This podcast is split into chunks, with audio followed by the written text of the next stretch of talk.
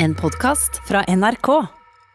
Nå til den japanske tegnestilen anime, som de siste årene har blitt veldig populært, også her hjemme i Norge. Norske Jacqueline Korsnes har nesten en halv million følgere på appen TikTok.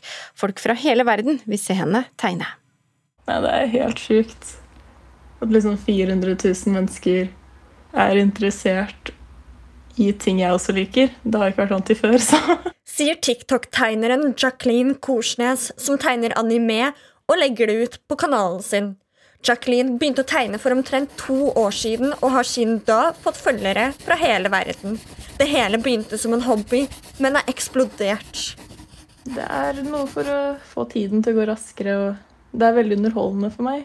Det er bare en hobby, egentlig. Føles det litt terapeutisk? Veldig. Kan sitte der i timevis og ikke gå lei. Bare være våken hele natten og male, liksom. Ordet anime er tatt fra japansk og er en forkortelse for ordet animasjon. I vestlige land, som her i Norge, betegner ordet spesielt tegnestilen som er blitt assosiert med japansk animasjon. Og karakterene som tegnes, har et spesielt uttrykk. Man kjenner det igjen med en gang, så det er noe med strekene og fargene at det er veldig tydelig. Eh, ofte litt store, uttrykksfulle øyne. Eh, fargerikt hår eh, ofte. men det er kanskje i hvert fall den klassiske animen. Så har du de trekkene, da. Forteller Anne Telles, som er doktorgrad i japanske studier og undervist i orientalske språk ved Universitetet i Oslo. Hun har også skrevet en bok om anime. Hun forteller at interessen for denne tegnestilen har økt mye de siste årene. Man man sier jo at de siste ti årene har vært en slags Japan-boom, og da ikke bare med anime, men også japansk mat, japansk eh, kulturuttrykk. Eh, at det er blitt en sånn oppblomstring av interesse for Japan, og det sier man har skjedd i løpet av de siste ti årene i Norge. 17-åringen syns det er gøy at folk liker kunsten hun lager. Nå går hun fortsatt på videregående, men håper å satse videre på kunsten. Ja, jeg håper virkelig det. Altså. Jeg kan få en fremtid med tegning og sånt. Hva er drømmefremtiden, da? Herregud, det, det er et vanskelig spørsmål. Det blir vel noe innenfor kunst. Kanskje noe Det hadde vært veldig fint å bli en tatovør, eller f.eks. hjelpe til med å lage forsidekunstverk, eller designe ting og sånt. Reportere det var Raida Korami og Heather Ørbeck Eliassen. Og Når vi hører dette, så er det jo ingen overraskelse at eh, interessen for eh, Japan-studier ved Universitetet i Oslo er stabilt høy. Ikke minst nå nærmer det seg studiestart for mange, og dette blir aktuelt. Gunn Enli er med oss i studio, prodekan ved Det humanistiske fakultet ved Universitetet i, i Oslo. Og eh, Når den kulturelle interessen øker for et land, sånn som vi hører med Japan her, betyr det at flere vil studere språket? Ja, så vi har sett de tendensene. og det er jo sånn at Når man skal velge studieretning, eh, så er det ofte basert på interesse. Og den interessen må jo komme fra et sted. Og populærkulturen er et sånt sted. Um, og et eksempel er jo death metal, uh, hvor uh, Norge plutselig ble et interessant land å studere internasjonalt. Altså for fansen, de ville lære seg norsk. Så vi fikk en økt uh, pågang av studenter som ville lære seg norsk språk. Eh, hvordan er japansk kultur, da, som i dette tilfellet, blitt en del av, eh, av norsk populærkultur, slik sett? Jo, der ser vi jo noe av det samme. Altså, som du sa, så har eh, japanstudier hatt en stabilt høy eh, interesse. Og det jeg vil si om det, er at det, eh, interessen for Japan er veldig sammensatt. Eh, den på har jo utviklet seg kanskje litt sånn fra 80-90-tallet. Så var det knytta litt til kampsport og zen-buddhisme. Eh, mens eh, etter 2000-tallet så har det beveget seg til å komme mer interesse for japanstudier via nettopp eh, tegneserier, anime og manga. Og Pokémon Go sikkert også, tenker jeg. Det er en del av manga-kulturen, så er Pokémon Go, og det er jo kjempeviktig det du sier der. ikke sant? Fordi at eh, Japansk kultur har influert eh, norske ungdommer, og særlig ungdomskultur, eh, på den måten at de kjenner Japan kanskje på en annen måte enn foreldregenerasjonen. Og de kjenner det som noe kult, og også som noe kontrastfylt. For det er liksom både kult, hipt, tekno ikke sant? Det er veldig langt framme på teknologi, langt framme på tegneserie, teknologi og, og kunst. Men samtidig så har de tradisjoner. Samtidig så har de hierarki. Samtidig så har de mye som vi ikke forstår, som er litt mystisk. Uh, og som er litt sånn, ja vi, vi, vi, lengter også noe kanskje etter det, den roen, altså sen og ryddekulturen fra Japan, ikke sant. Matkulturen. Det er, det er veldig mange innganger. Men, uh, men, vi ser at våre studier, uh, der er det interesse som kommer via via populærkulturen og interesse for disse, disse kontrastene. da. Det har jo nettopp vært eh, OL i Tokyo i de siste drøye par ukene. Har det, eller Kan slike arrangement ha noe å si for interessen rundt Japan som sånn? Det kan jo teoretisk sett ha det, eh, men eh, i år er det jo en veldig altså unntakstilstand i, i, OL. Altså vi har mindre turisme til Tokyo enn det man ville ellers hatt i et OL. Men det bringer meg jo inn på det at reising eh, til andre land, og de som har vært i Japan, eh, de får veldig lyst til å studere japansk og kommer tilbake til Norge med interesse for Japan. Og mange har jo også lyst til å reise ut og søker seg til våre studier fordi de da får muligheten til utveksling og lære seg japansk i, i Japan. Eh, sånn at reising via f.eks. OL eller andre typer arrangement, turisme, vil skape interesse også for hva man skal studere. Men unge nordmenn har jo reist til Sørøst-Asia i flere tiår. Er det andre asiatiske kulturer enn den japanske som merker økt interesse, eller stabilt høy? Ja da, vi har jo også arabisk og kinesisk som er tilsvarende vanskelige språk, som vi kaller det. da, sånn Krevende, sånn at du søker deg ikke dit fordi du ikke har noe annet å gjøre. Du søker deg dit fordi du har en interesse og en ambisjon om å lære språket, men også lære om kultur, politikk, historie. Eh, så dette er jo områdestudier, mer enn bare språk. Eh, men, så det er klart at eh, de andre asiatiske landene, og der er det jo mye økonomisk vekst. Og man ser på dette som framtidige veldig viktige markeder for Norge. sånn at arbeidsplasser, eh, arbeidslivsrelevansen vil være stor for folk som kan disse språkene. Eh, det er en, et område som vi trenger mye kontakt med, eh, og som er veldig viktig for Norge og for Europa.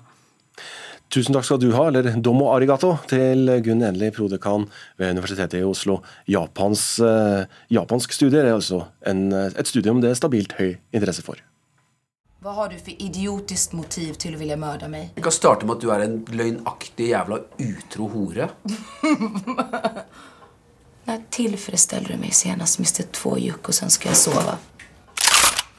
Au! Au! Au!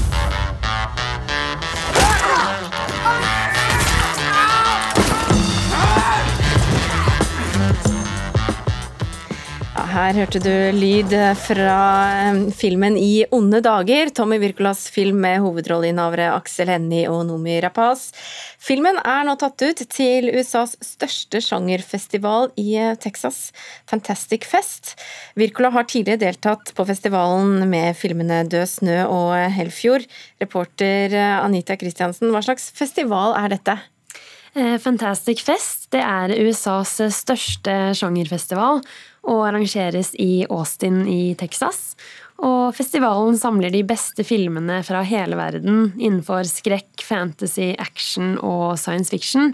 Og festivalen skriver på sin egen nettside at de feirer nye stemmer og fortellinger, og løfter frem nye filmskapere. Og i tillegg så jobber de også for å støtte film i sin mest provoserende og banebrytende form. Hvorfor er I onde dager da plukka ut? Filmen er basert, eller den er svært eh, kritikerost, og ble sett av nær 20 000 her hjemme under åpningshelgen. Filmen hadde premiere 30. juli. Og eh, den har en eh, internasjonal appell gjennom sin eh, kommersielle sjanger, som blir beskrevet som svart komedie. Og i tillegg er Rapace en etablert internasjonal stjerne, og kjemien mellom Rapace og Henny de, den vektlegges som en vesentlig årsak til eh, filmens eh, suksess. Det skriver Rushprint. Ja, fortell litt mer, Hva handler filmen egentlig om? Filmen eh, møter vi Lars, en regissør spilt av Henny, som er veldig lei av skuespillerkona Lisa, som spilles av Rapace. Eh, hun er også like lei av ham, og ingen gjør det spesielt bra i karrierene sine. Lars vil egentlig bare lage spillefilm, men jobber med en elendig TV-serie inspirert av egne ekteskapsproblemer. Og Lisa på sin side er mest kjent for å spille i en Viagra-reklame, mye pga. sitt manglende talent. Og I tillegg har paret store pengeproblemer og mistenker hverandre for utroskap. Så løsningen på både de økonomiske og relasjonelle problemene, det blir å drepe partneren på hytta for å få penger fra livsforsikring. Men eh, problemet er jo da at begge to har eh, samme plan.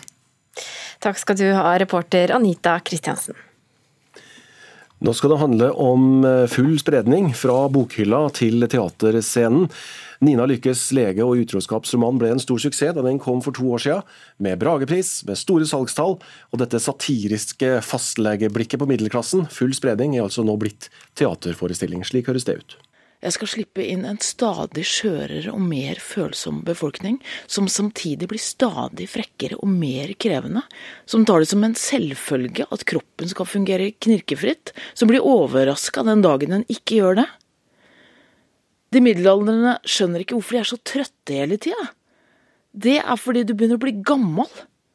47 er ikke gammelt, sier du. Jo, 47 det er gammelt nok. Her hørte vi Tone Mostraum spille fastlegen Elin i forestillingen Full spredning, som altså går på Nationaltheatret. Dramatisert og regissert av Tyra Tønnesen.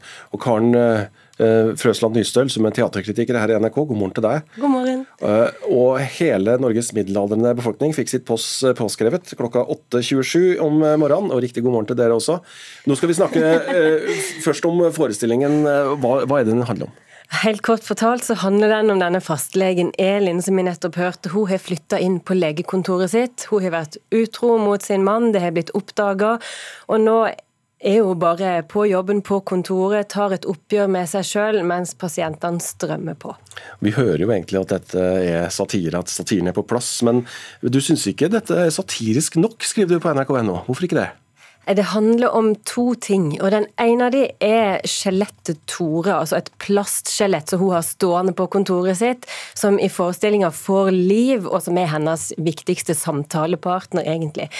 I boka så er dialogen mellom de så bitende, han konfronterer henne, han er så sarkastisk, og dynamikken der er så spennende og god, syns jeg. Mens her blir han mer en ridder som forsvarer henne der hun anklager seg sjøl. Og det det fungerer i forestillinga, men det gir det samtidig et sånn feel good-svøp, på en måte. Altså Det blir ikke bitende nok, den delen der. Det andre er mennene i Elin sitt liv, som i romanen er ganske flate figurer, syns jeg da. Eh, og når det sjøltilfredse middelklassenabolaget Grenda, som Elin da egentlig bor i, når det forsvinner fra historien her, så må du bygge karakterene godt og dypt ut. Og det opplever ikke jeg at har skjedd. Jeg opplever at disse mennene, både ektemann og elsker, fortsatt er ganske flate figurer.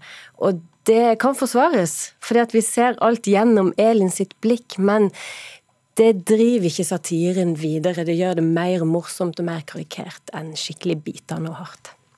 Teateret har sagt om denne forestillingen at Elin holder dommedag over seg selv. Mm.